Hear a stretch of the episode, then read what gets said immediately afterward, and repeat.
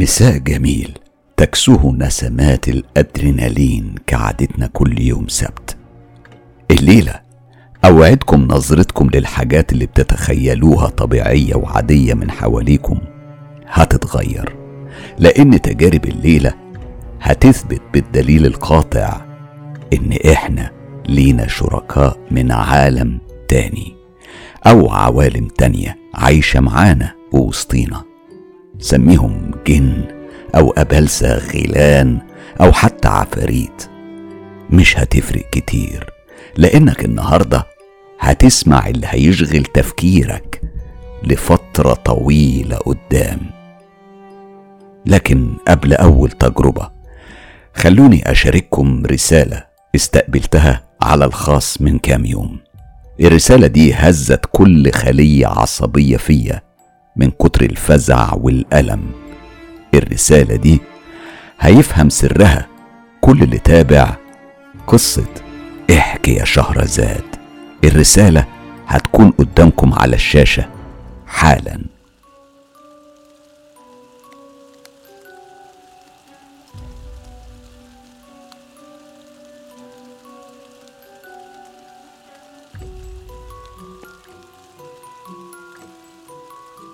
طبعا ما عنديش تعليق على اللي قريتوه. أنا بكل تأكيد هحكي لكم كل التفاصيل اللي عرفتها واللي وصلتني بالإضافة لكل التفاصيل اللي شهرزاد كانت بعتاها قبل الموضوع ده. كل التفاصيل دي هتسمعوها في الحلقة اللي جاية من احكي يا شهرزاد واللي بجهزها بآخر تفاصيل بعتتها لي شهرزاد قبل الكارثة دي. خالص العزاء لشهرزاد. والكل اللي زي شهرزاد قلبي مع كل إنسان بيعاني في العالم ده من شر الإنس قبل شر الأبلسة. دلوقتي يلا بينا وأول تجربة من تجارب حلقة الليلة. التجربة دي وصلتني من صديقة غالية وعزيزة عليا غين. أنا مش هقول اسمها لأني كنت مستني منها تبعت لي تقول لي أذيع الاسم ولا لأ لكن في النهاية قررت طالما ما وصلنيش رد أنا هختصر اسمها في أول حرف منه. هي بتقول لي أنا من متابعيك الدائمين وعندي كتير من القصص عن العالم الخفي اللي دايما أنا شغوفه بيه برغم من إني مش من الزوهريين أو حتى لا أمتلك أي قدرات خاصة. لكن أكتر قصة بتلح عليا في الخروج للنور هي تجربتي مع أما بخيتة. هي طلبت مني إن أنا أناديها بالاسم ده. لكن هي مين؟ أنا مضطر أرجع لورا حوالي سنتين قبل بداية القصة علشان تفهم الحكاية. تجربتي دي بدأت باحتفال الكلية اللي اتخرجت منها بمناسبة مرور 25 سنة على التخرج. تم الاتصال بكل أعضاء الدفعة علشان نتقابل كلنا في كليتنا الحبيبة كلية فنون جميلة في الزمالك. الموضوع حقيقي حصل وتم وكان يوم رائع وكان من روعته طبعا إن أنا قابلت كل زمايل دفعتي اللي قضيت معاهم خمس سنين كاملة. واللي ما يعرفش كليتنا دي كلية عملية بمعنى إن إحنا كنا بنسيب طبيعة دراستنا بتقتضي إن إحنا نقضي سوا أوقات طويلة وإحنا بننفذ أعمالنا أو رسوماتنا. المهم أنا قابلت أميرة. أميرة كانت زميلتي في الدفعة لكن ما كناش مقربين قوي. كنا طبعا بنتبادل التحيات والسلامات أثناء الدراسة لكن هي كان ليها مجموعتها وأنا ليا مجموعتي من الأصدقاء. ولأن كل منا يعني كل واحدة فينا متخصصة في مجال مختلف في الدراسة ما كناش بنتقابل تقريبا. ويعني لحد ما اتخرجنا من الكلية ما كناش بنتقابل كتير. والأول مرة من خمسة وعشرين سنة اتقابلنا في الاحتفال ده. في حاجة شدتنا لبعض. يمكن لأن إحنا الاتنين يعني بندخن.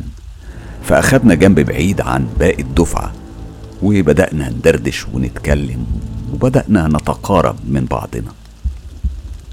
اللي زود التقارب ده أكتر إن واحدة من زميلاتنا عرضت علينا بما إننا يعني ولادنا كبروا وخلاص إحنا كمان ما بنشتغلش وعندنا موهبة الرسم.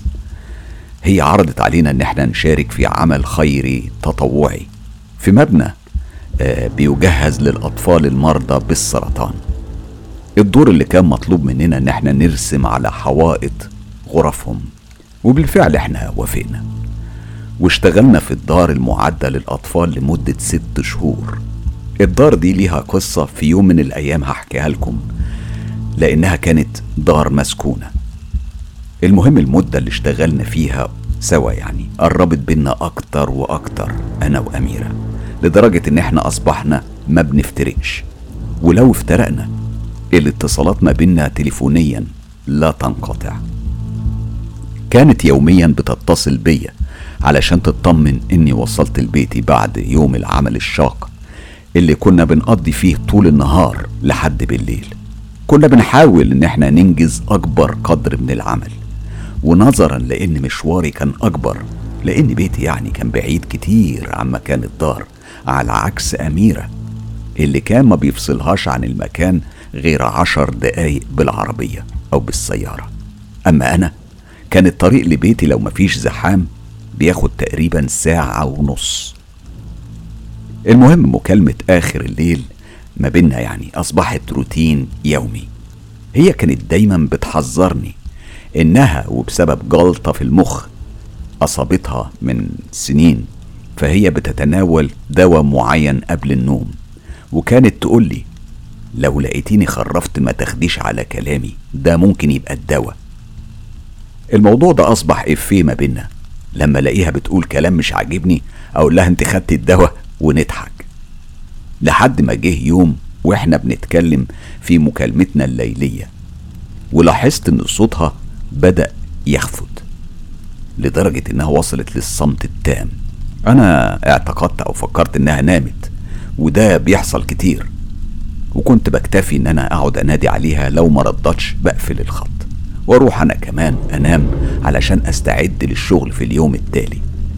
إحنا طبعا كنا ملتزمين جدا بشغلنا ده بالرغم إن هو شغل تطوعي بدافع من ضميرنا ورغبة في عمل أي شيء يهون على الأطفال المرضى دول. المهم أميرة غالبا نامت في المكالمة وكالعادة أنا قلت أميرة أنت نمتي؟ في اللحظة دي لقيت صوت حاد وصارم بيقول لا. أنا استغربت شوية لأن صوتها كان خلاص بينام والصوت قال بحدة أنا مش أميرة. طبعا أنا افتكرتها بتهزر معايا فقلت لها طيب أمال أنت مين؟ أنا مش أنتي. ملحوظة. أنا بطبيعتي شخصية كوميدية وبحب الضحك والهزار فقلت يمكن طلبت معاها تهريج. أنا أخدتها على قد عقلها. طيب يا سيدي أنت مين بقى؟ أنا اللي بتنده عليه طول النهار. أميرة طول النهار معايا وأنا عمري ما سمعتها بتنده على حد. ما هو أنت لو مركزة معاها كنت هتعرفي. سكت. كمل وقال إيه أكتر حاجة بتقولها طول الوقت؟ بصراحة أميرة كانت طول الوقت بتتريق عليا. وبتسخر مني وتقول لي يا خفة لما أقول أي حاجة مش على مزاجها أو ما تعجبهاش. فأنا لقيت نفسي بقول آه أنت خفة. وهنا سمعت الصوت زي الرعد بيقول لا. الصوت كان مجسم كاد إنه يخرق طبلة وداني وتزامن معاه صفارة طويلة أو زنة وبعدها اتقطعت المكالمة. أنا فضلت قاعدة في مكاني مش فاهمة إيه اللي حصل. وأميرة مالها دقايق قليلة عدت عليا ولقيت أميرة بتتصل بيا. أنا رديت عليها على طول. أيوة دي أميرة وصوتها لسه نايم. كانت بتعتذر لي إنها نامت أثناء المكالمة. أنا كنت متنحة مش فاهمة حاجة فقلت لها نمتي إيه يا بنتي؟ ده أنت خرمتي لي وداني. هنا صوتها صح كده. وسألتني باهتمام. هو أنا كلمتك؟ قلت لك إيه؟ أنا حكيت لها الحوار اللي دار وإن صوتها كان متغير وصارم. أنت كمان قلت لي إن أنا مش أميرة. ولما سألتك طيب أنت مين؟ قلت لي إن إن أنا مش أنت. لغاية ما قلت يعني قلت لها يا خفة أنا هنا لقيت صوت إناس بتصوت في التليفون. أنت قلتي له خفة؟ قلت للكبير خفة؟ قلت لها الكبير مين؟ أميرة قالت بعدين هبقى فاهمك. روحي نامي دلوقتي وبكرة نتكلم. أنا طبعا ما اهتمتش قوي وقلت احتمال كبير تكون بتعاني من انفصام في الشخصية والدواء ده بتاخده علشان كده وعادي يعني هعدي الموضوع علشان ما أحرجهاش. ولما اتقابلنا تاني يوم في الدار اللي بنرسم فيها الأول خلوني أقول إن الدار دي كانت مبنى مكون من أربع أدوار زي المستشفيات.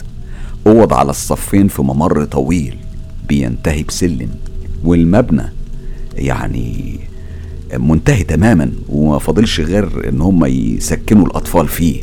الحاجة الوحيدة اللي كانت باقية بس الرسم على الجدران والمتطوعين اللي بيعملوا الموضوع ده كانوا قليلين.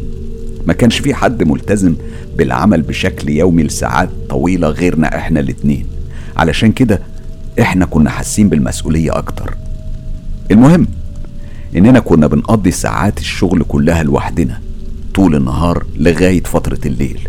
وفي بعض الأيام القليلة يعني كان بينضم لنا زميل أو زميلة لمدة كام ساعة لو هم فاضيين. طبعا لأن المكان فاضي يعني إلا من ترابيزة صغيرة كنا بنحط عليها أدواتنا من ألوان وفرش وخلافه كمان كان في كرسيين للجلوس. وكنا جايبين كاتل هو براد الشاي وقهوة وشاي لزوم الشغل. اتقابلنا الصبح كالعادة وعملنا شاي وبنشرب سيجارتين قبل ما نبدأ الشغل. فأنا قلت لها على فكرة أميرة المرض مش عيب ومحدش المفروض إنه يتكسف من المرض يعني.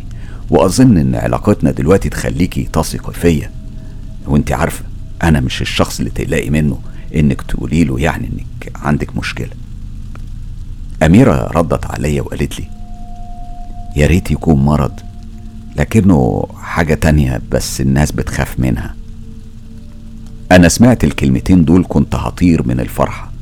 حضرتك بس يا أستاذ حسام وأصدقائنا المرعبين اللي ممكن تفهموا الشعور ده.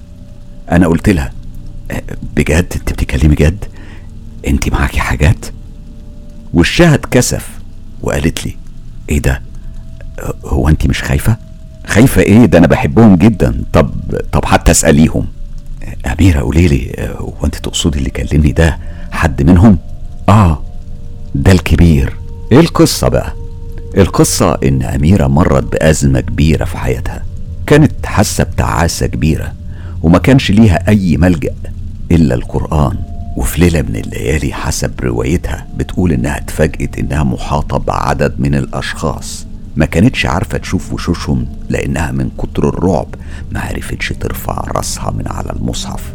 هي بتقول شافتهم قاعدين حواليها كأنهم في دايرة ومنها ومن الليلة دي بدأت تصاحبهم ويصاحبوها. كلهم كانوا بيخضعوا للكبير. مين الكبير؟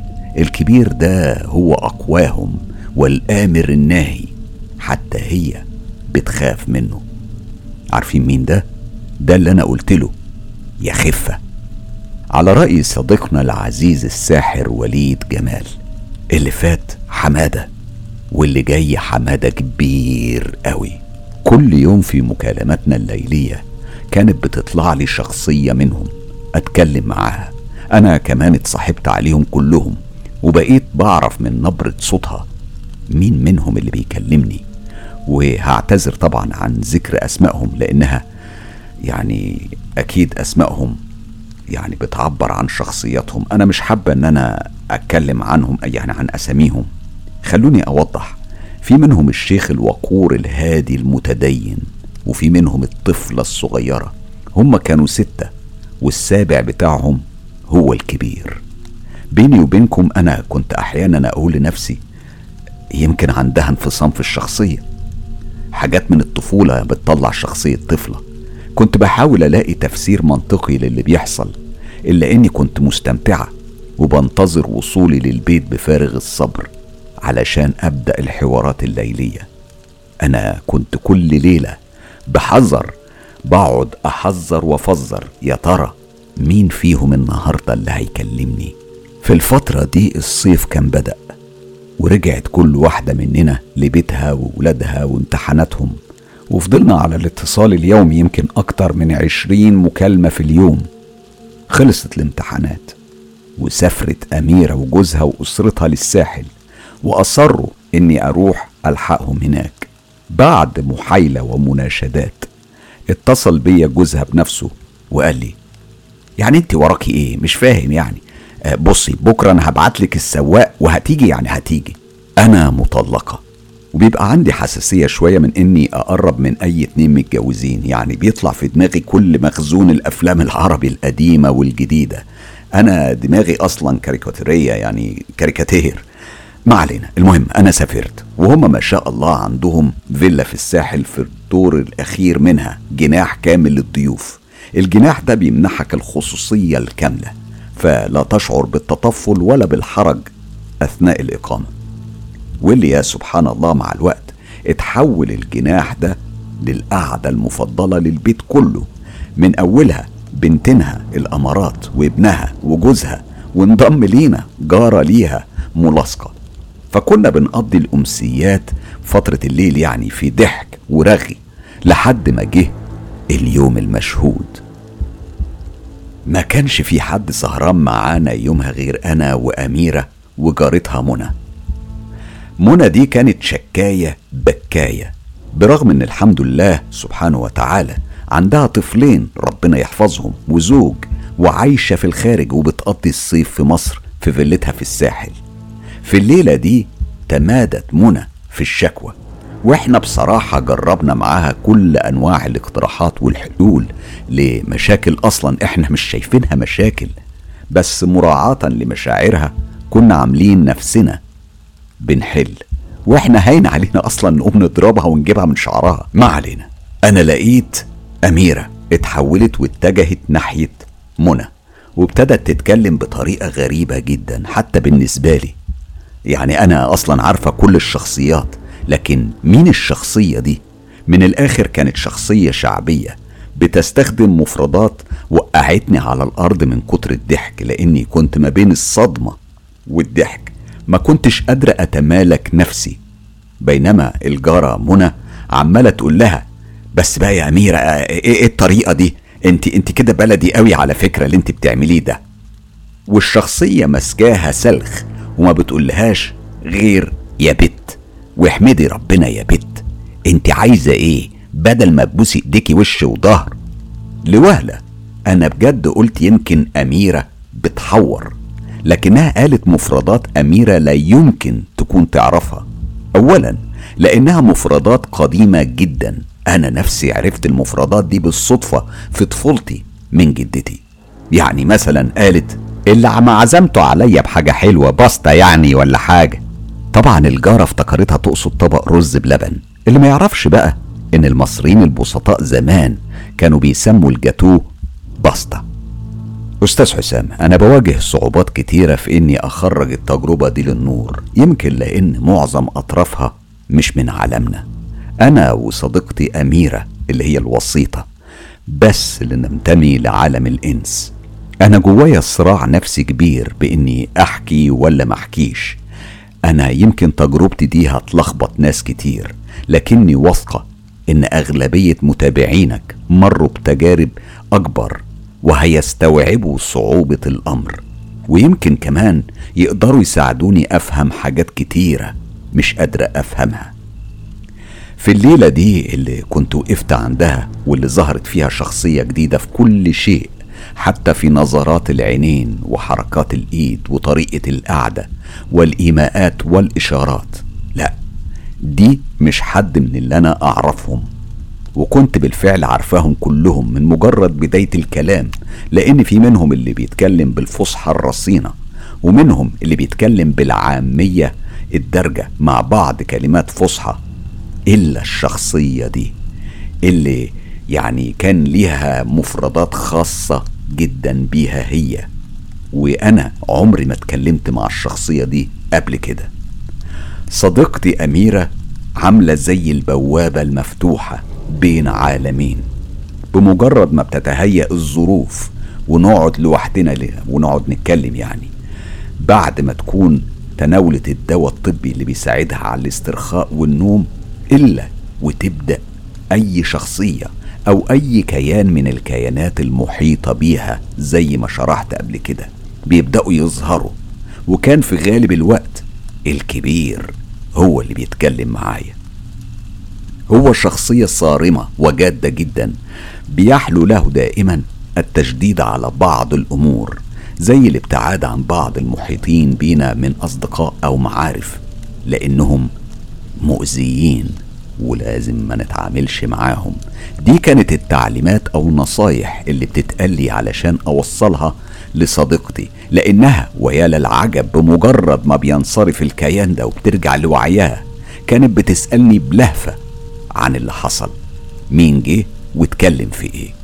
الموضوع ده كان بيحيرني جدا لأنها هي اللي كانت بتتكلم معايا وعينيها مفتوحة. كانت بتبقى قاعدة قدامي لكن بشخصية مختلفة. وده يعني لحد ما ظهرت شخصية قصتنا. أحيانا بشك إنها ربما مصابة بفصام لكن اللي قطع الشك باليقين هو ظهور أما بخيتة في الليلة دي ظهرت الشخصية دي من غير ما تتناول صديقتي الدواء وفي عز جلسة رغي نسائية عادية بتملأها الشكوى من جانب الجارة صغيرة السن المرفهة اللي ما بتحمدش ربنا سبحانه وتعالى برغم إنها دايما بتقول إنها بتحمد ربنا وبرغم مقاطعات كتيرة من وصول بنات أميرة شايلين السندوتشات للعشاء. منها طبعا السندوتشات العادية ومنها المشطشطة على حد تعبير بخيتة أو أمة بخيتة. اللي سرعت تمد إيديها في أكياس السندوتشات الحارة وذهول الكل وأولهم بنات أميرة نفسها. لعلمهم التام إن والدتهم ما بتستحملش أبدا أي حاجة حراقة أو حارة. لا ده كمان دي مصابة بشبه حساسية من أي طعام حار. يعني لو كانت حاجة مشطشطة بتتورم شفايفها ولسانها وزورها. ومع ذلك شافوها بتلتهم السندوتشات بنهم كبير وعيون بناتها كانت بتبصلي في حالة تساؤل. أنا غمزت لهم ففهموا إن والدتهم مش في حالتها الطبيعية. وقالوا آه أكيد هي خدت الدواء. أنا قلت لهم أيوه أيوه بالرغم إنها ما كانتش أخدت الدواء الليلة دي. المهم بعد ما أكلت صديقتي آه، كذا سندوتش بدأت تكح وكانت في حالة زي شبه الاختناق. الكل كان بيسارع في إحضار المية والمساعدة وأنا لاحظت إن بخيتة أو أما بخيتة انصرفت ورجعت صديقتي لوعيها وهي بتسألني وهي ماسكة بقها إيه هو إيه اللي أنا باكله ده؟ ده حراق. الكل كان بيقول لها ما إحنا قلنا لك. ولقيناكي بتاكلي وعجبك قوي برغم كل تحذيراتنا طبعا صديقتي كانت عمالة تبصلي عايزة تفسير. وأنا أنا نفسي كنت في حيرة مستنية الكل يمشي ونقعد لوحدنا. أنا بقى اللي كنت مستنية منها هي التفسير. وأخيرا بعد وقت طويل انصرف الجميع علشان يناموا. انصرفت الجارة وانصرفوا البنات وفضلت أنا وصديقتي وهنا اندفعت احكي لها على كل اللي جرى وهي في حالة ذهول. وكل ما أقول لفظ أو اقلد حركة صديقتي تقول إيه ده؟ انت أنت بتتكلمي جد؟ أنا عملت كده؟ يا نهار! مش ممكن. وأحيانا كانت بتخبي وشها في إيديها من الكسوف. كانت مذهولة لكن اللي كان مذهول بجد كان أنا. لكني كنت معجبة جدا بالشخصية لأنها قالت للجارة الحاجات اللي كنا بنتحاشى إن إحنا نقولها علشان ما نجرحش مشاعرها. من الآخر يعني زي ما بتقول قالت كل حاجة. والجارة اعتقدت إن أميرة عاملة نفسها زي ماري منيب في الأفلام العربي علشان تنصحها. من هنا بدأ تعلقي بالشخصية دي. ما بقتش عايزة أتكلم إلا معاها هي.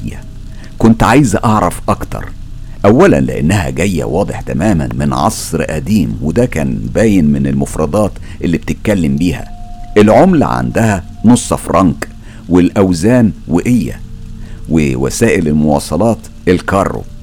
على مدى أكتر من ثلاث سنين كل ما تتاح لي الفرصة أروح لأميرة وقت سفر جوزها لعمله وكنت بروح أقضي معاها أيام هناك. كنت كل ليلة أستدعي أما بخيتة. علشان نتكلم معاها لأنها ما كانتش بتبطل تخليني أضحك ومع ذلك كانت مليانة حكمة وقوة كانت أما بخيتة مزيج ممتع من كل شيء. جلسة تاريخية أعرف منها تفاصيل الحياة في السابق والأحداث وأحاول أعرف المزيد بالبحث في الكتب وعلى الإنترنت. بالطبع علاقتنا اتسببت في غيرة باقي الكيانات. وبالأخص الكبير. حتى أميرة اللي كانت بتعاتبني إني ما بحبش أتكلم معاها على قد ما بحب أتكلم مع أما بخيتة. برغم إني كنت بحكي لها كل حاجة بتحصل في المحادثات دي بعد ما بتسترد وعيها. حتى الكلام اللي كانت بخيتة بتقوله عنها. فمثلا بخيتة طلبت مرة إنها تعفر تقصد يعني تشرب سيجارة. فعزمت عليها بسجارة بصت لي مستنكرة وقالت لي إيه يا أختي البتاعة دي؟ هي دي السجاير بتاعتكم؟ وكانت هترمي الطفاية أو رماد السيجارة على الأرض فحطيت قدامها طفاية إزاز وقلت لها أه، معلش ممكن تطفي هنا علشان أميرة ما بتحبش حد يوسخ الأرض. أيوه يا أختي طول النهار هلكة نفسها في البيت قولي لها بقى صحتها بالدنيا. هي كانت شخصية مرحة جدا ولما الحوار كان بيتطرق لذكرى مؤلمة أو أحداث حزينة كانت بتقوم بتغيير الموضوع فورا وبالعافية. بعد مئات الجلسات أنا قدرت أجمع قصتها اللي أعتقد إنها تستحق أن تروى. الشخصية دي جت من الصعيد واتجوزت في القاهرة القديمة أو زي ما بيسموها في المحروسة. كانت ساكنة فيما نطلق عليه الآن شارع المعز في واحدة من الحارات المتفرعة منه. ورحنا في يوم أنا وصديقتي بناء على طلب أما بخيتة لأنها كانت عايزة تشوف المكان ده دلوقتي. حالته أصبح شكلها إيه؟ ودي كانت علامة استفهام كبيرة. المهم نرجع لأما بخيتة اللي اتجوزت من راجل أعرج. مات بعد ما خلفت منه سبعة من الأبناء. طبقا لكلامها كانت بتشتغل بياعة جرجير في السوق لكن اللي فهمته منها إنها كانت حقانية وما بترضاش بالظلم ابدا. اتصدمت كتير باللي عايز ياكل أكل الغلابة وعلى حد تعبيرها يعني. كانت بتدخل في معارك بالروسية والبنيات. بمفهومنا الحالي يعني كانت ثورية وما بترضاش بالظلم ودفعت تمن باهظ. التمن كان إنهم قتلوا أبنائها كلهم قدامها وبعدها قتلوها بالضرب حتى الموت. في الجلسة اللي عرفت فيها إزاي ماتت كانت آخر عباراتها. عارفة لما تسمعي صوت عظمك كله وهو بيتكسر؟ أنا هنا ما قدرتش أتمالك نفسي وانهمرت دموعي من غير سيطرة وانصرفت أما بخيتة. وحل مكانها الكبير وقال لي أنت فاكرة اللي بيرتقي ويوصل للمكانة دي بالساهل؟ وبعدها انصرف وسابني غرقانة في دموعي ورجعت أميرة لوعيها واتفاجئت بحالتي على غير ما اتعودت لأنها غالبا كانت بتلاقيني بعد جلسة أما بخيتة.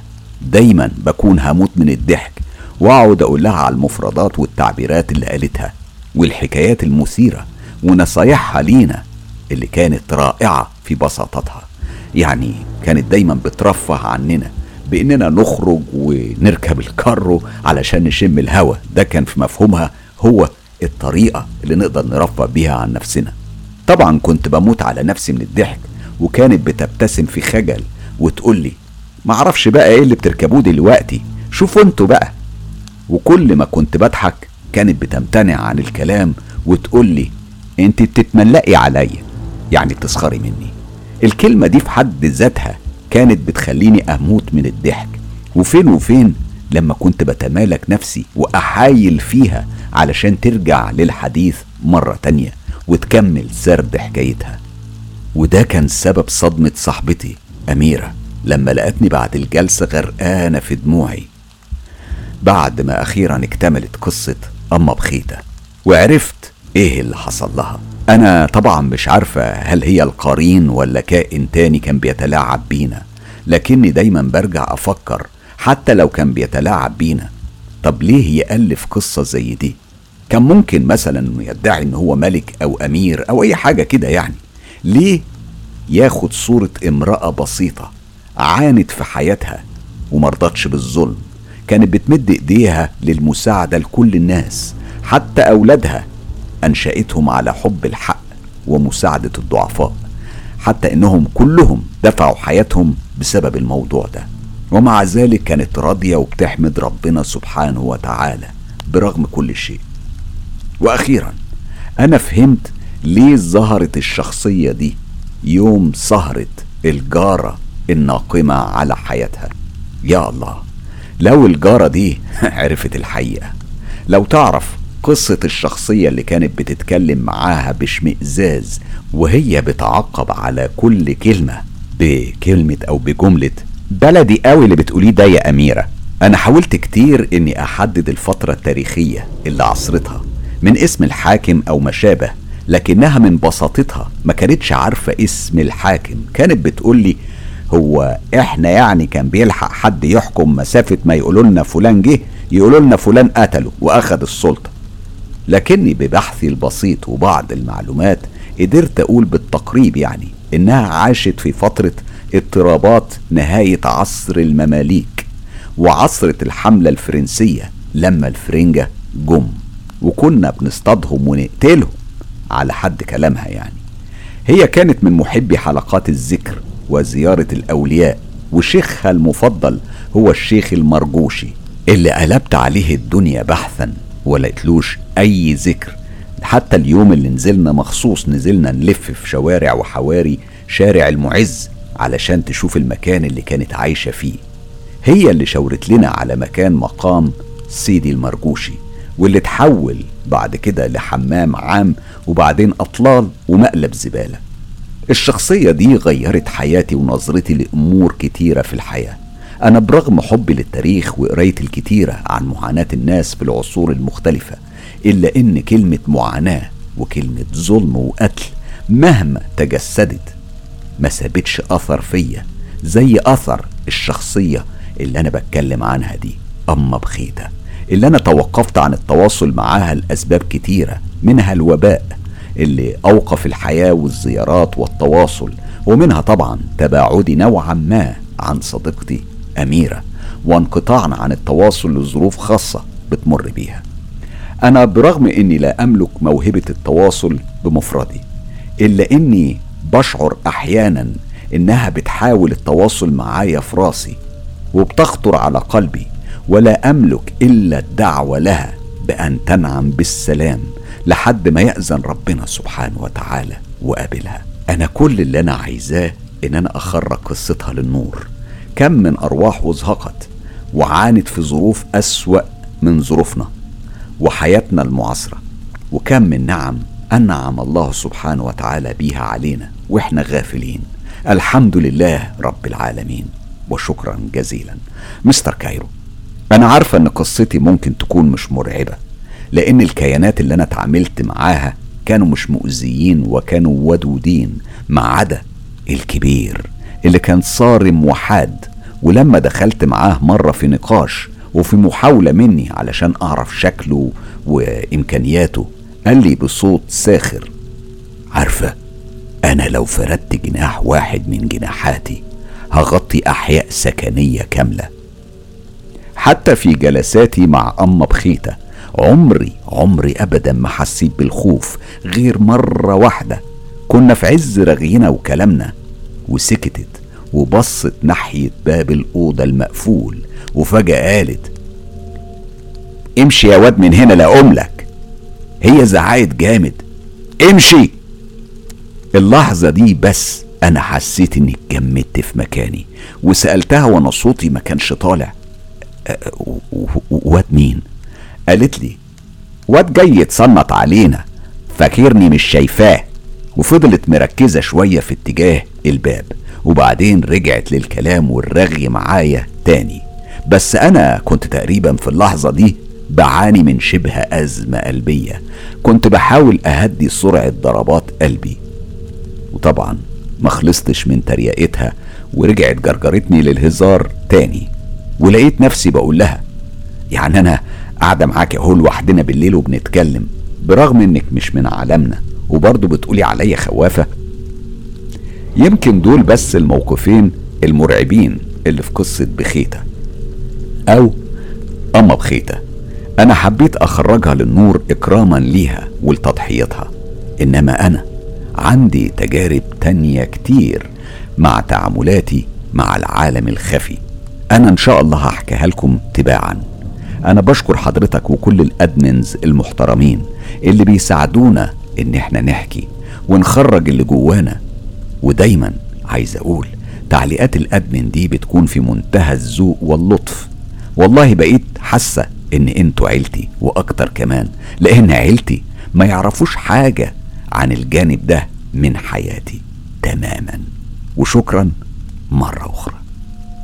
غين تجربتك أنت بتقولي إنها مش مرعبة لكن أنا أعتقد إن تجربتك مفزعة فكرة إن إحنا نتعامل مع كيانات من العالم الآخر الفكرة في حد ذاتها عبارة عن فكرة مجنونة وشرسة لأقصى درجات الشراسة.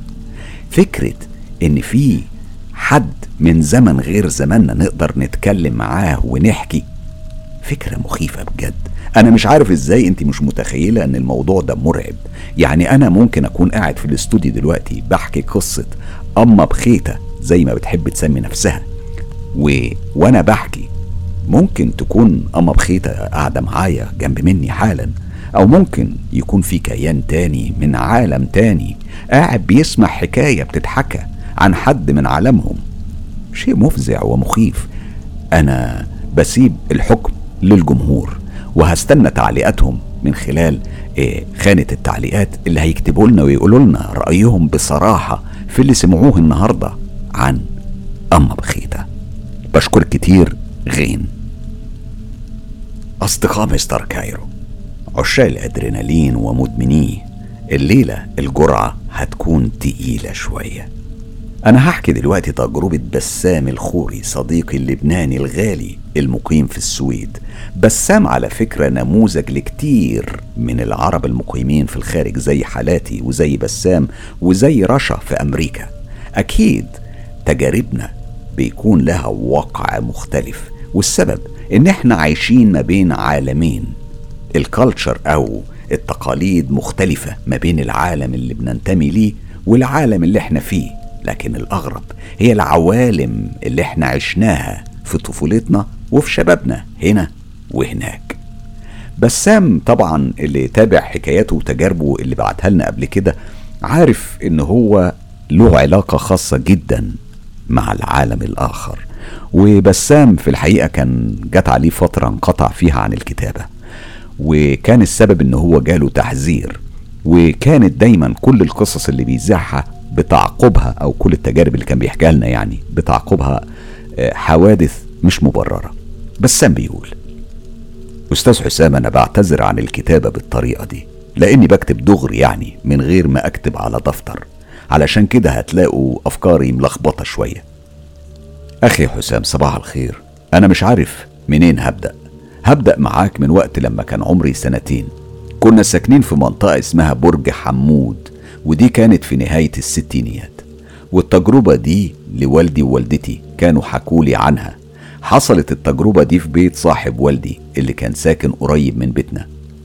طبعا هقولك من البداية والدي بياخد شغله مقاولات بالكهرباء وصاحبه كان عنده عطل كهربائي في بيته. فطلب منه لو عنده وقت يشوف له العطل ده. فراح والدي وصلح له العطل. بالطبع والدي ما أخدش مقابل ده كان مساعدة لصديقه. قام صديق والدي وعزم عليه إن إحنا نيجي ونقضي نهار السبت عندهم كرد جميل. وكان كده على فكرة يعني الوضع في لبنان السبت والحد عطلة. إحنا رحنا لعندهم وقضينا نهار حلو مع عيلته. وطلب من والدي إن إحنا نستنى لبعد المغرب علشان في شخص جاي وهتكون فرصة يعرفوا عليه. والدي قبل لأن بيتنا كان في نفس الحي ومش بعيد يعني إحنا يدوب عمارتين بس. لما الساعة وصلت لستة تقريبا جه جار صديق والدي. وزي ما انت عارف كلام وأحاديث وبعدها بساعة تقريبا دق الباب. قامت مرات صديق والدي وفتحت. دخل شخص كان مهندم وشيك جدا. قام صديق والدي وسلم عليه وقال لوالدي أحب أعرفك على أكتر وأكبر شخصية معروفة. يعني الشخصية دي مش هتقابل زيها. حضرته يبقى الدكتور داهش. على فكرة الدكتور داهش هو غني عن التعريف لأنه أكبر وأقوى ساحر في لبنان كلها في الوقت ده. وتقدر تدخل وتكتب اسمه وده طبعا مش اسمه الحقيقي. هتعرف مدى القدرات اللي كانت عنده أو يعني وده طبعا مش موضوعنا أنا بس حبيت أعرفك مين الشخص ده. بعد التعارف قعدوا كلهم وقال صديق والدي إيه رأيك يا أبو بسام؟ على فكرة من يوم ما اتولدت والكل كانوا بينادوه بالاسم ده. فقال إيه رأيكم تشوفوا شيء ظريف من الأشياء؟ جاوبوا والدي أنا ما عنديش أي مشكلة خليها تحلي السهرة شوية. وعلى فكرة والدي من الأشخاص اللي من الصعب إنه يخاف يعني تقدر تقول عنه قلبه قوي جدا رحمه الله. وأنا كنت على حجر والدي طول الوقت ده وحسب ما قال لي إن من وقت ما دخل الدكتور داهش وأنا ببتسم له. وده شد انتباهه وكان كل الوقت بيبص لي وهو بيبتسم. هنا قام صاحب صديق والدي وقال له ها يلا مش هيقدر يعمل حاجة على كل تعالوا هنشوف. فبص له داهش واللي اسمه الحقيقي سليم وقال له حابب تجرب؟ يلا نجرب فيك وتكون سهرتنا عليك. وقال له طيب جرب تقوم وتقف كده. هو كان قاعد على كنبة مفرد يعني الشخص واحد وحاطط إيديه على الزند بتاعها. فجاوب ها وما قومش ليه؟ وبلش يشد علشان يقوم وبكل قوته بس ما قدرش. كل الموجودين كانوا بيضحكوا بيقولوا له يلا يا بطل قوم خلينا نشوف. لكنه ما قدرش يتزحزح من مكانه. الدكتور داهش قال قال لهم إيه رأيكم نزيد العيار شوية؟ إيه رأيك بقى تزور زوايا سقف البيت وانت على الكنبة؟ يلا نشوف. في ثواني بدأت الكنبة ترتفع وبدأ الراجل يصرخ وصوت الصريخ كان بيعلى كان بيترجاه يوقف. قربت الكنبة من أول زاوية في سقف الصالون والراجل بيعيط وبيترجاه إنه يقف. الكنبة كملت باتجاه الزاوية التانية والكل كان مندهش من اللي بيحصل. أما أنا حسب ما والدي قال لي كنت أنا طول الوقت ده بضحك وببص على السقف كأني شايف حاجة. بعد ترجيات كتيرة من صديق والدي للدكتور داهش إنه ينزله وخلاص على كده. قبل وقال له هو بيبتسم ها حرمت ولا إيه؟ فرد عليه بصوت مخنوق خلاص خلاص أرجوك نزلني وتوبة توبة لو كنت أتكلم من تاني. ثواني وبلشت الكنبة تنزل بشويش ورجعت لمكانها. الراجل طبعا ما صدقش وقام طلع جري باتجاه الباب. وهو بيصرخ أنا مش راجع البيت ده من تاني ابدا في حياتي. بعد الحاجات لما رجعت لطبيعتها بصلي الدكتور داهش وأنا لسه ببتسم في وشه وقال لوالدي خلي بالك من الولد ده لأنه مطلوب. رد والدي تقصد إيه يعني؟ بعدين هو هيعرفك وهتعرف. وبدأ يغير الحديث. والدتي ندهت أبويا وقالت له أعتقد كده كفاية. إحنا, إحنا المفروض نرجع البيت بقى. فاستأذنوا ورجعوا البيت ودي كانت أول وآخر مرة والدي شاف فيها الدكتور داهش. ودي كانت بداية قصتي. دلوقتي هحكي لكم على تجربة تانية لكن قبل ما أكتب عايز أفسر لكم أنا إزاي توصلت للتفاهم مع كيانات العالم الآخر وإزاي بدأت أكتب. وتقدر تعتبر اللي هقوله دلوقتي اعتراف بإني غلطت معاهم. يعني أنا فهمت الرسائل والإشارات بشكل خاطئ. فقط من مدة قصيرة عرفت إن أنا غلطت في حقهم وإن أنا لازم أعتذر لهم على جهلي لفهم الرسائل اللي كانت بتوصل لي لأنهم مش السبب في اللي حصل بل بالعكس لولا تدخلهم لحمايتي كانت الأمور هتكون أعظم. ده طبعا ملوش دعوة بالقصة اللي حكيتها ده بس مجرد إن أنا بشارككم بأفكاري ودلوقتي خلوني أحكي لكم على بداية انجذابي للعالم الآخر من بعد ما بوست جدتي رحمها الله. من وقتها بدأت الأصوات والرؤى تجيلي بشكل يومي. كل ما أكون لوحدي بشوف أطياف بتمر وحاجات بتتحرك لوحدها. أصوات لأشخاص أو حيوانات والغريبة إني بكون لوحدي ومفيش حد معايا. أما الأغرب إني ما كنتش بحس بالخوف بل بالعكس كنت بحس بالفضول ببقى عايز أعرف كمان وكمان. وحبي لتجارب حقيقية مروا فيها أخوالي رحمهم الله وجدي أبو أمي. وأنا قبل ما أنسى هبقى في يوم أكتب لك تجارب جدي مع الجن. زي ما قلت حبي للقصص دي بالذات كان شغف ومش بس كده هما بيحكوها كنت بعيش القصة مش عارف أفسرها إزاي. يعني كنت بشوفها زي الحلم ولا كنت بحس بكل حاجة كأني صاحب التجربة ولكن مش بشخصية يعني مش بشخصيتي كمشاهد. كان بيبقى إحساس زي ما يكون في حد ملازمني والإحساس ده لسه ملازمني لحد دلوقتي. ومعرفش ليه أنا لأنه شعور بألم وحزن وخوف وسعادة في وقت واحد. بالنسبة للأطياف اللي كنت بشوفها هقولك على واحدة منهم. وأنا لسه في عمر ستة أو تمن سنين لما باجي أنام وهقول لك يعني أوضة النوم بتاعتنا كان فيها ثلاث سراير. السرير الوسطاني كان تحت الشباك ده بقى سريري. والشباك مكون من ثلاث ظرف ولازم دايما الضرفة الوسطانية تكون مفتوحة علشان أقدر أنام. الأوضة بتكون مضلمة ظلام حالك. لما كنت بتمدد على السرير راسي تحت الشباك وكعب السرير باتجاه الدولاب.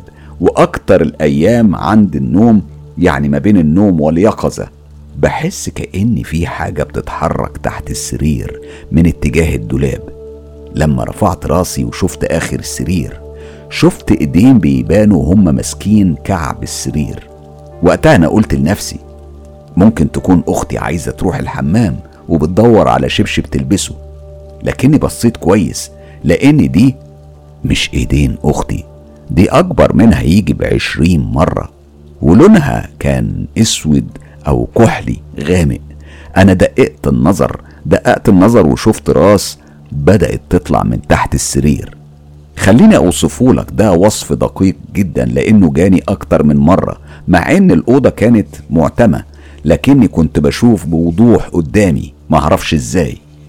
أول حاجة الراس كبيرة جدا أكبر من راس الطور واللون مايل للكحل الغامق وفيه لمعة ما عندوش شعر أقرع يعني ودانه كانت طويلة مدببة بتبدأ من مستوى راسه ونهايتها عند كتافه. وفي كل واحدة من ودانه كان في حاجة زي حلق ضخم مدور كان عبارة عن زي حاجة مش معدن لكنها من مادة أنا مش فاهمها. وشه كان مدور وضخم حاد. حواجبه عريضة بعرض إيديا لونها أسود غامق. أما العيون ما أقولكش هوصفها إزاي. يعني وسع قوي بكبر كاسة الشوربة. ده هو أقرب تشبيه للشيء ده. البياض زي خط دائري رفيع أصفر اللون والباقي أسود. أما المنخار فضخم وأفطس ممكن تحت إيديك في التجويفة بتاعتها من كتر ضخامتها وفيها حلقة ضخمة زي اللي بيحطوها للجاموسة. أنا آسف إن أنا بطول في الشرح بس لازم أوضح لك وللمتابعين أنا كنت بشوف إيه. ويمكن يكون في حد من المتابعين شاف أو هيشوف شاف شيء قريب من اللي أنا بوصفه. خلونا نرجع للمخلوق ده. وآسف إني مش هقدر أذكر اسمه حفاظا على إخواني المتابعين. يمكن حد بالغلط. بمجرد التفكير يمكن يجراله حاجة وأتحمل أنا ذنبه. بقه بقى يعني فمه. فتحته تقول واصلة لحد ودانه وأسنان بيضة ساطعة تحسها كأنها بلورات بتنور بتنور كل بقه. وكل الوقت ده الكيان ده كان باصص لي بصة مرعبة. ممكن توقف قلبك من الخفقان. الغريبة إن أنا وأنا ببص له ما كانتش بصة خوف تقدر تقول كانت بصة تعجب وإعجاب في نفس الوقت. ده كان شعوري بأول مرة شفته فيها وده أثار فضوله هو كمان. أنا حسيت بنظرته اتبدلت وتعابير وشه كمان من الحدية للطمأنينة وكأنه بيقول لي إيه ده؟ ابتسم لي وبلش يطلع بجسمه الضخم اللي غطى الأوضة تقريبا كلها. وبنفس الوقت ما شالش عينيه من عينيا وأنا نفس الشيء. وبعدها شفت جسمه الضخم اللي كان عاري إلا من منطقة العورة بيغطيها حاجة زي وشاح قديم قدم الزمان وكمل صعوده لدرجة إنه أصبح طاير فوق مني مالي سقف الأوضة كلها. وقرب مني شوية شوية لحد ما أصبح وجهه مقابل وجهي. كنت حاسس بأنفاسه الساخنة. بتلامس بشرة وشي الطرية وبلش يطلع من الأوضة بناحية الشباك اللي اتفتحت ظرفه التلاتة. هو خرج بشويش وهو طاير وبيبصلي في نفس الوقت لحد ما خرج بجسمه الضخم اللي مش عارف إزاي خرج من الشباك اللي بالنسبة لضخامة جسمه كأنك بتدخل جمل في فنجان قهوة. أنا فضلت متابعه لحد ما اختفى تدريجيا وابتسمت له وشاورت له بإيديا وبعدها بصيت لسقف الأوضة وابتسمت. معرفش ليه قلت تصبحوا على خير وغمضت عينيا ونمت. مستر حسام أخويا الغالي أنا عارف إن الأغلبية هيقولوا إيه يا عم الخيال ده؟ ده خيال واسع. لكن صدقوني كل كلمة وكل إحساس وكل مشاعر شاركتكم بيها حقيقية. أنا ما ألفتش حاجة من دي. دي فعلا حياتي وتجاربي. أنا عارف إن كتير مش هيصدقوا كلامي لكني بكتب علشان عايز أرتاح عايز أفضفض وأطلع اللي جوايا. أمال هتقولوا إيه عن اللي جاي بعد كده؟ التجربة دي لفواز العطار من اليمن واللي بيحكي لنا تجربة مر بيها واحد من أصدقائه. وليد شرف ده صديق من أصدقاء فواز العدار وحصل له موقف لما كان عمره تقريبا سبع سنين. بيقول كنت وأنا قاعد في البيت بلعب أسمع أصوات أطفال بيضحكوا وبيجروا في الطرقة وأحيانا أكون قاعد بلعب بالأتاري وألاقي الإيد بتاعة اللعب بتتسحب من إيديا أكتر من مرة. أحيانا كمان كنت أسمع خبط على باب الأوضة باب الأوضة أصلا بيكون مفتوح دايما ولما كنت بقوم أشوف ما بلاقيش حد خالص. في مرة قمت الحمام وأول ما ولعت النور شفت في زاوية الحمام زي طفل أبيض منور وبيبتسم لي. أنا ساعتها ما خفتش على قد ما كنت متفاجئ ومستغرب مين الولد ده ودخل بيتنا إزاي. كنت بسرعة جريت ورحت لوالدي وقلت له تعالى يا بابا شوف في ولد في الحمام بتاعنا. أبويا ما صدقنيش بس مع كتر الإلحاح قام معايا. لما وصلنا لباب الحمام وبيقول لي فين الولد ما لقيتش حد. لكني كنت لسه بشوفه وهو في نفس المكان وأقول له أهو يا بابا هناك أهو. بابا يقول لي يا ابني مفيش حاجة أنت بتتخيل ولا إيه؟ وأخدني ورجع على الصالة. بعدها بفترة وعمري كان 11 سنة كنت في أوضتي بكتب واجباتي المدرسية وهنا سمعت صوت جنب وداني. الصوت ده كان صوت شخص بيقول لي أنا صاحبك طول العمر. وفي يوم كنت بدور على ملابس الرياضية علشان كان عندنا ماتش كورة في المدرسة. رحت لعند أمي علشان ما لقيتش الملابس دي وسألتها عنها فقالت لي ده أنا لسه غسلاها العصر وهتلاقيها فوق على السطوح. الوقت كان بعد صلاة العشاء. أنا لأني متحمس للماتش قررت أطلع على السطح وأدور عليه. وهنا لقيت حد بيزقني من ظهري ومن على سطح بيتنا لسطح بيت الجيران.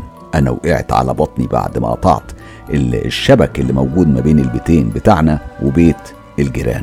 كنت ببكي وطلعت جارتنا لأنها سمعت الوقعة وقومتني. بعدها نزلت لعند أمي وشافتني ولبسي متوسخ فقالت لي أنت مالك كده متبهدل؟ حكيت لها على اللي حصل وهي وأبويا ما صدقوش. قلت لها إن ظهري بيوجعني. لما رفعت الفانيلا شافت أثر إيدين مطبوعة على ظهري وخافت. بتكلم أبويا وبتقول له شوف اللي على ظهره. أبويا شاف واستغرب. أمي عملت لي مطهر جروح وغيرت لبسي ونمت. أقول لك بقى بعد ما وصلت لسن 22 سنة أنا فاكر اشتريت ترمس مية وحطيته في أوضتي علشان ما اضطرش أقوم للمطبخ علشان أشرب. كنت بنام والترمس باقي فيه أكتر من نصه يعني ما يقارب حوالي 4 لتر. لما كنت بقوم الصبح أجي علشان أشرب أتفاجئ إن الترمس فاضي تماما. كنت بستغرب وبص تحته يمكن بيسرب لكني ما كنتش بلاقي حتى قطرة واحدة. كنت بقول لنفسي يمكن أنا شربته ونسيت. اليوم التاني كان بيتكرر نفس الشيء. أقوم علشان أشرب ألاقي الترمس فاضي. بالليل سبت الترمس فاضي ورحت أشرب من المطبخ. ورجعت أنام. وهنا صحيت في نص الليل على صوت رزع وخبط على الترمس. بعدها كمان لقيت رزع على الباب. قمت نورت النور وقلت لنفسي يمكن قطة وأنا بدور ما لقيتش حاجة رجعت أنام ورجع الصوت. أنا طنشت ونمت. اليوم اللي بعديه أنا مليت الترمس ونفس القصة فضلت تتكرر. لو سبته فاضي أسمع تخبيط. أنا عرفت وقلت خلاص أنا مش عايز ترمس أصلا ورميته في المطبخ. بعد فترة أبويا قرر يهدم البيت اللي كان مكون من دورين علشان نبني بيت أكبر. أسرتنا راحوا يقعدوا عند بيت جدي لحد ما نخلص بناء البيت وتم هدم البيت وبدأنا بإكمال الدور الأول. وعلشان أنا الأخ الكبير أبويا كان معتمد عليا في كل حاجة. هو يعني يا دوب يجي من الشغل يشوف وصلنا لفين ويديني فلوس ويروح. أنا بقى كنت قاعد في أوضة ومعايا واحد صاحبي بنسميه الخادم. كان بيساعدني في نقل مواد البناء للدور التاني علشان يجي البنا والعامل الصبح ويلاقوا كل حاجة جاهزة. في ليلة كنا قاعدين وقمت أنا على الحمام وهنا شفت راجل بيمشي وهو بيبص عليا ولقيته دخل من الجدار. أنا انفزعت ودخلت لعند صاحبي. قال لي مالك؟ قلت له لا مفيش مفيش حاجة أنا بس كنت هتكعبل في الطوب اللي في كل حتة. طبعا أنا ما حبيتش أقول له علشان ما يخافش ما يخافش ويمكن يروح. بدأنا نشيل أكياس الأسمنت كل واحد على ظهره وصاحبي آه، بيقابلني ويقول لي إن هو بيحس إن في حد بيسحب الكيس من على ظهره وأنا طالع على السلم. أنا كنت بضحك وبقول له إيه يا عم بدأنا الأعذار ولا إيه؟ هو كان بيقول لي أعذار إيه؟ أنا بقول لك اللي حصل. خلاص انسى انسى. وبدأنا نواصل العمل إلا وأسمع صوت وقعة وهو بينادي.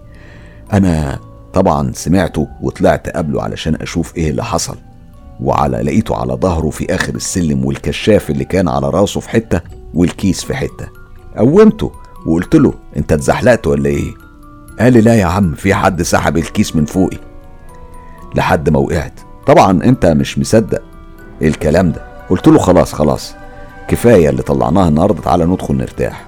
اليوم التاني سبته في الأوضة ورحت أجيب حاجة من البقالة اللي كانت جنب البيت.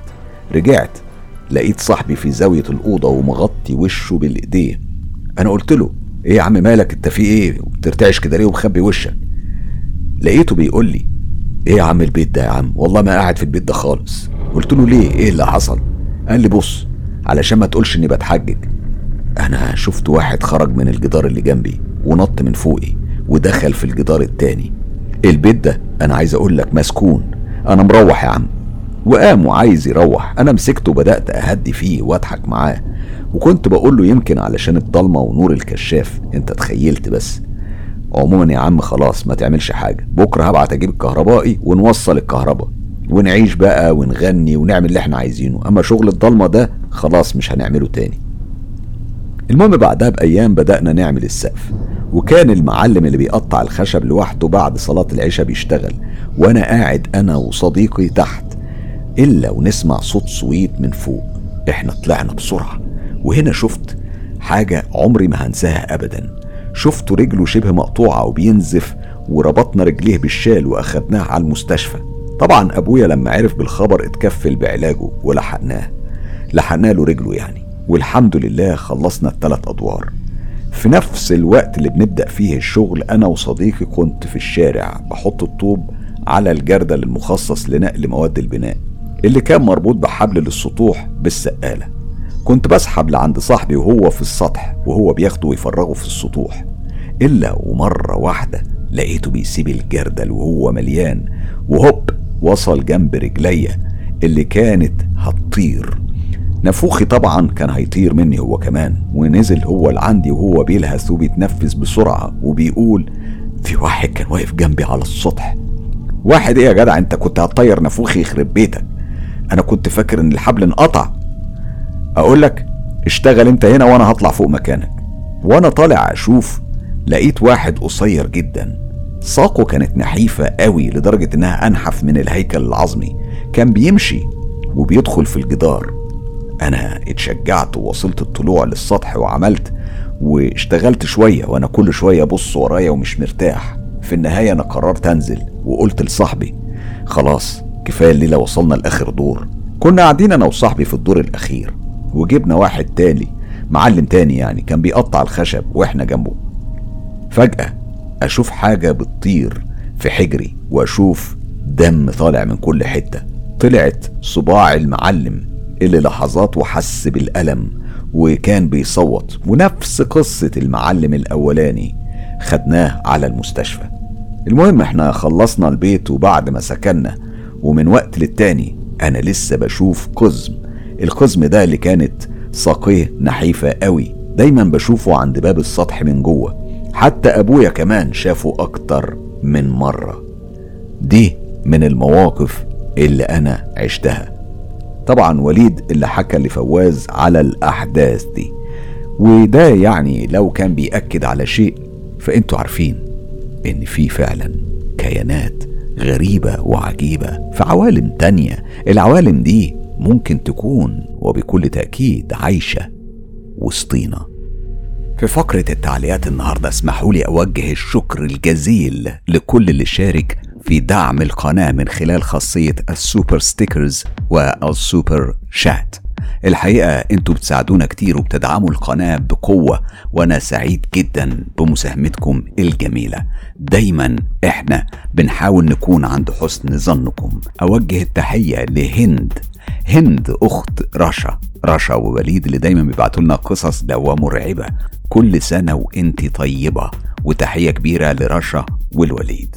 التعليق ده من جيجي الشمري صديقتي الغالية اللي بعتز جدا بصداقتها وبمتابعتها لقناة مستر كايرو واللي هتشاركنا قريب جدا بتجربتها الشخصية واللي أكيد هتكون مرعبة جدا. جيجي بتقول بجد ما ينمل من قناتك مستر حسام. لو نقول إبداع أكيد ما راح نوفي. والأحداث اللي مرت على الساحر وليد وعيلته كانت مروعة. ربنا لا يحط أحد مكانهم وبهنيهم على ثباتهم. وفي الأخير ربنا يبارك لك أخ حسام على سردك الجميل للقصة. بشكرك كتير يا جيجي. والحقيقة أنا في انتظار سرد قصتك وأتمنى أنها تعجبك وتعجب الجمهور. تجربتك فعلا مخيفة ومرعبة. قد إيه العالم ده فيه حاجات غريبة؟ التعليق ده من HMNK أو هداية صديقي الغالي واللي دعمنا امبارح آه، من خلال أو أول امبارح من خلال حلقة الساحر واللي بشكره كتير جدا على مساهمته الراقية كتير. هو هداية بيقول الحلقة كانت ممتعة ومفيدة جدا جدا. فضلا وليس امرا أتمنى يكون في جزء تاني مع نفس ال admins الافاضل والضيف الكريم القبطان. ويا ريت يكون الأستاذ بكر موجود من أول الحلقة. بشكرك كتير. هداية على تعليقك. وطبعا هنا بيعلق على ال live بتاع يوم الجمعة مع الساحر وليد جمال وفرقان. وطبعا سندريلا القناة رشا. التعليق ده من SR بتقول على حلقة الساحر قصص حضرتك يا أستاذ وليد مختلفة ومشوقة. إحنا في انتظار باقي الحلقات في أمان الله مستر كايرو وكل الفريق المحترم. بشكرك كتير أو بشكرك كتير SR على التعليق الجميل. التعليق ده من جمانة إبراهيم صديقتي الغالية اللي بتقول أفضل قناة رعب في كل الوطن العربي وأفضل صوت في قمة قمة الروعة مستر حسام المبدع. أما بقى وليد جمال إبداع رائع في الكتابة مع كل الرعب والخوف لا تخلو من نكهة الكوميديا. مبدعين بكل شيء وأكيد كل ال admin رائعين. بشكر كتير جمانة إبراهيم وتحياتي لك وللأسرة كلها. بسمة ميريتا صديقتنا الغالية ومن واحدة من يعني من أقدم متابعي قناة مستر كايرو بتقول قصص فوق الخيال. صعبة يا سيمو. شكر كتير يا بسمة. هي فعلا آه، القصة الخاصة بصالون الحلاقة واللي حكتها لنا ريتا آه، من القصص الصعبة فعلا والمخيفة. عبير محمود بتقول بالنسبة لأول فيديو قصة حقيقية قدمها مستر كايرو وبسببها حول قناته لقناة رعب أنا حابة أقول إن أنا متابعة قديمة وإن القصة دي أول قصة أقدمها هي قصة شارع 101 ودي من أحب وأجمل القصص لقلبي. عبير عبير محمود بوجه لك التحية الكبيرة. آه، أكيد فعلا شارع 101 من أوائل الأعمال اللي قدمتها. لكن مش هي دي الإجابة الصحيحة. أنا هجاوب على السؤال في آخر التعليقات النهارده إن شاء الله. ماريا مروان بتقول المشرحة أكيد وأنا بقول لماريا طب أنت ليه تحرقي الإجابة؟ خلينا نستنى لآخر الحلقة وآخر التعليقات النهارده وهنقول إيه هي أول قصة اتذاعت في قناة مستر كايرو. عايدة عايدة بتجاوب على نفس السؤال إيه هي أول قصة حقيقية قدمها مستر كايرو بسببها حول قناته لقناة رعب بتقول للأسف وأكتر حاجة ندمانة عليها إن أنا ما تابعتش من الأول مش عارفة بس الأكيد مش ظام ولا حكايات 101 لأني سمعتهم. الإجابة بين المشرحة وحكايات بعد نص الليل. يا ترى يا عايدة الإجابة الصحيحة إيه؟ استنوا لآخر التعليقات علشان تعرفوا. ام شام بتقول على اختيار اسم برنامج رشا العبيدي الجديده إيه، رشا اللي بتقدم لنا برنامج جديد. آه، طبعا رشا هي بطلة حكايات السومرية واللي بتقدر تسمع وشوشة الجن. هنا ام شام بتقول لي وشوشة الجن يا حسام هو ده الاسم المناسب. ام أعتقد إن هو ده الاسم اللي اختيار رشا وقع عليه بالفعل وهو اسم برنامجها هيكون وشوشة الجن واستنوه قريب جدا على قناة مستر كايرو. مورو نيمو بتقول السلام عليكم مستر. أنا ممكن أكون أول مرة أبعت لك بس بجد أنا من متابعيك ومن عشاق الرعب. بس ممكن يكون اختياري لاسم أدرينالين لوجهة نظر ان بجد بحتاجه لما بسمعك. بشكرك كتير يا نيمو أو مورو نيمو. مورو نيمو آه بنوجه لك التحية. وهو بالفعل رشا اختارت اسم وشوشة الجن وأعتقد إن الاسم ده مناسب لأن رشا ليها مزايا خاصة وليها قدرات خاصة هنعرفها من خلال البرنامج.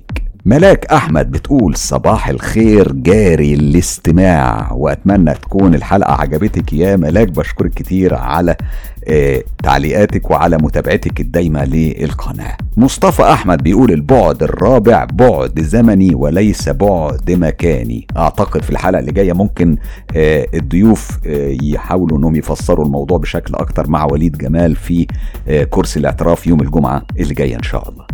ابتسام مصباحي بتقول حلقة كانت حلوة قوي ومفيدة مع إني في الأول ومع كلام الأستاذ التاني اللي لابس نظارة كل اللي حواليه ضلمة بكلامه اللي من كل حتة آه توهني وخلاني زي الأطرش في الزفة. بس بعد كده لما استدركت الأمر فهمت كل حاجة. أتمنى يا ابتسام كل حلقاتنا ال live يوم الجمعة تعجبك دايما. داليا دول بتقول يوميا بسمع مستر كايرو. أيوه كده يا داليا ده اللي إحنا عايزين الناس تعمله. دولي دول دولي دول بوجه لك تحية كبيرة من قناة مستر كايرو وبتمنى كلنا نعمل زي دولي دول ونسمع مستر كايرو كل يوم. نور الأمان. بيتكلم على آه، الحلقة الخاصة بالساحر ساحر إفريقي متعاهد مع أشرس قبيلة جن. بيقول روعة روعة روعة قصة وصوت كالعادة أحسنتم. يا إدماني تحياتي للجميع. نور الأمان كل الشكر والتحية والتقدير. دارلا بتقول شكلي فوتت الحلقة على فكرة كلام الباحث محمد صحيح. إحنا ما نقدرش نشوف الجن لانهم سريعين جدا وده نفس الكلام اللي قلته قبل كده اني شفت حاجة سودة خطفت بسرعة من قدامي. دارلا بوجه لك التحية وقريب أكيد هندردش سوا في الموضوع ده. أم الغزالة العربية بوجه لك التحية من خلال قناة مستر كايرو. تحية كبيرة لكل الأصدقاء في الجزائر وتحديدا أم الغزالة العربية اللي بعتز جدا بمتابعتها لقناة مستر كايرو واللي دايما بتشارك معنا بتعليقات كتير بتسعدنا كتير جدا جدا. محمد قاسم عالم الأحجار القديمة أنا بوجه لك تحية كبيرة ليك ولكل الأصدقاء الغاليين في العراق. العسكري حاتم من أصدقائي الغاليين وهو صديق تونسي ومقيم في باريس بوجه له التحية الكبيرة وبيقول يلا بينا على عالم خفي ندخله عن طريق صاحب الرقم السري أو المفتاح السري. إنه المبدع المتألق مستر كايرو. حفظكم الله جميعا. إني أفتقد الأخت الغالية صباح نصري. بلغها سلامي واحترامي. عسكري حاتم أتمنى إن صباح تكون سمعانا وأكيد هتكون سمعانا دلوقتي. هي آه، أدمن رئيسي في القناة وأكيد رسالتك وصلتها وهي أكيد هتوجه لك التحية من خلال فقرة التعليقات ومن خلال التعليقات إن شاء الله. بشكرك كتير على اهتمامك. هاني عطا بيقول السلام عليكم يعطيكم العافية أستاذ حسام مذيعنا الجميل الطيب. أنا بتابعك تقريبا كل يوم بسمع قصصك وبحب أشكرك وأثني على جهودك وطريقة سردك للقصص الجميلة. أنت فنان جميل بالتوفيق والنجاح الدائم إن شاء الله. وتحياتنا لك و التحية من إخواتك في الأراضي المقدسة. هاني أنا اللي بوجه لك التحية الكبيرة وبشكرك كتير على اهتمامك وتقديرك الغالي. أكيد أسعدتني بتعليقك ده. رحاب خان الصديقة الغالية المقيمة في أمريكا واللي بوجه لها تحية كبيرة قوي. ليها مش ليها هي لوحدها لكل أصدقائي المقيمين في أمريكا وفي كندا وفي أستراليا وفي أوروبا. أنتوا عارفين أنتوا وضعكم زي وضعي. إحنا كلنا عايشين نفس المسألة عايشين في غربة وبنتمنى فعلا إن إحنا نتواصل ودي أحلى طريقة تواصل من خلال قناة مستر كايرو. تحية كبيرة قوي لرحاب خان اللي بتقول على حلقة أم بخيتة اللي زعناها النهاردة. يا لهوي. وهي فعلا يا لهوي. تخيلوا تخيلوا فعلا اللي حصل والأحداث اللي سمعناها من غين النهارده. شيء مفزع بجد. التعليق ده من رشا بتقول أنا سمعت عن قصص الرعب إنها مجرد قصص آه بتتحكى لكن أقول في منها الحقيقي ولكن بصوت مستر كايرو بحس إن أنا البطلة بل بأكون الأميرة ومن الساحر وليد جمال بحس إن أنا الجنية اللي هتنتقم آه، من اللي بيطلعوا منهم الشر أو الشرور. بشكرك كتير يا رشا تعليقك جميل. وكمان عيشة علواني بتقول المشرحة أنا تابعتك. آه لا هي سوري. عيش علواني بتقول الصراحة أنا تابعتك من بداية صيان بس كانت كفيلة إني أسمع كل القصص اللي فاتتني من البداية ولحد النهاردة أنا مش ممكن أفوت حلقة واحدة أو ممكن أو في قصة ممكن تعدي من تحت إيديا لأن اللي فات حمادة واللي جاي حمادة تاني خالص. عيش علواني أنت كنت مسك الختام لفقرة التعليقات النهاردة بشكرك كتير على تعليقك الجميل ودعمك دايما للقناة سعيد جدا بكل مشاركاتك وبكل تعليقاتك الرائعة. راقية زيك. سعيد جدا جدا جدا. بشكرك. دلوقتي بقى تعالوا نجاوب على السؤال المهم. ليه تشترك في قناة مستر كايرو؟ هقول لك. علشان توصلك آخر المعلومات اللي ممكن تفيدك وتحميك. مش انت بس انت وأسرتك والناس اللي بتحبهم من عالم السحر والسحرة. وكمان هتخليك ملم بعالم الجن والعوالم الغامضة اللي بتشاركنا حياتنا. اسمعوا. لو عندكم تجارب حقيقية زي اللي سمعناها النهاردة من الأصدقاء وحصلت بالفعل ليكم أو لحد من أصحابكم وحابين تشاركوا بيها أصدقاء مستر كايرو. ابعتوا التجارب دي على الصفحة الرسمية للإعلامي حسام مصباح على موقع التواصل الاجتماعي فيسبوك أو على تطبيق تليجرام وده هو الأفضل. كل الروابط اللي أنتوا عايزينها دي هتلاقوها موجودة في خانة الوصف وكمان للحصول على كل الحصريات. انضموا ل group تجربة رعب مستر كايرو على فيسبوك. كمان في صفحة هستيريا قصص رعب على فيسبوك بتقدم محتوى قناة مستر كايرو. أما بقى لو حابب تدعم تجربة مستر كايرو الوسائل كتير الحقيقة لكن أسهل حاجة تدعمه بالاشتراك في القناة والإعجاب بالكليب. طبعا لو عجبكم و share الكليب هي دي بقى المهمة قوي في كل مكان واتساب ماسنجر إنستجرام وأخيرا تيليجرام. خلي الدنيا كلها تعيش تجربة مستر كايرو.